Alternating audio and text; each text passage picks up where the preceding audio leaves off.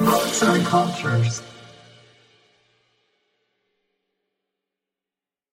Pop Art'ın en son büyük sanat akımı olarak ortaya çıktığı 1962 yılında Andy Warhol, el boyamasından fotoğrafa aktarılmış sanata çığır açan bir dizi eserle geçiş yaptı. Bu parçalar mekanik bir üretim yöntemini taklit eder gibi gözükse de aslında elle boyanmıştır. Warhol'un Campbell'in çorba konserveleri ismini verdiği eseri kariyerinin en ikonik ve imza parçalarından biri oldu.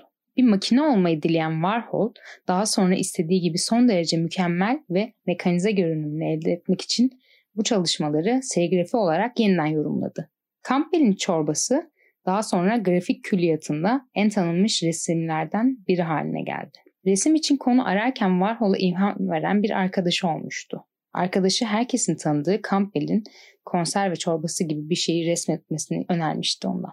Bunun üzerine Warhol teneke kutuların iz düşümlerini tuval üzerine çizmeye başladı. Bu ilk ve orijinal çorba tenekeleri seti gerçekte olduğundan daha tek düze ve mekanik olarak üretilmiş gibi görünen bir çalışma haline geldi. Bu algıyı kasıtlı olarak yaratmak istemiş olan Warhol, pop sanat hakkındaki düşüncelerini şöyle özetliyor. 32 konser ve çorba çeşidinin arasında ince farklılıklar ve kusurlar vardır. Yani bu gerçekten sıradan, her gün kolayca elde edilebilir ve görünüşte sıradan bir konu üzerinde duran incelikli bir sanattır. İşte bu pop art'ın özüdür. Bu ilk sergide halkın ilgisizliğine rağmen Campbell'in çorba konserveleri sanat dünyasında büyük bir heyecan yarattı. Sanatın bu kadar günlük bir şeyle nasıl ilgilenebileceği ve ticari seri üretimi taklit ediyor gibi görünebileceği konusunda tartışma resimlerin bolca ilgi görmesini sağladı. Campbell'in çorba konservelerinin ilk sergisi eleştirmenler tarafından Warhol'un kariyerindeki dönüm noktası olarak adlandırılıyor. Hatta kısa bir süreliğine Amerikan süpermarketleri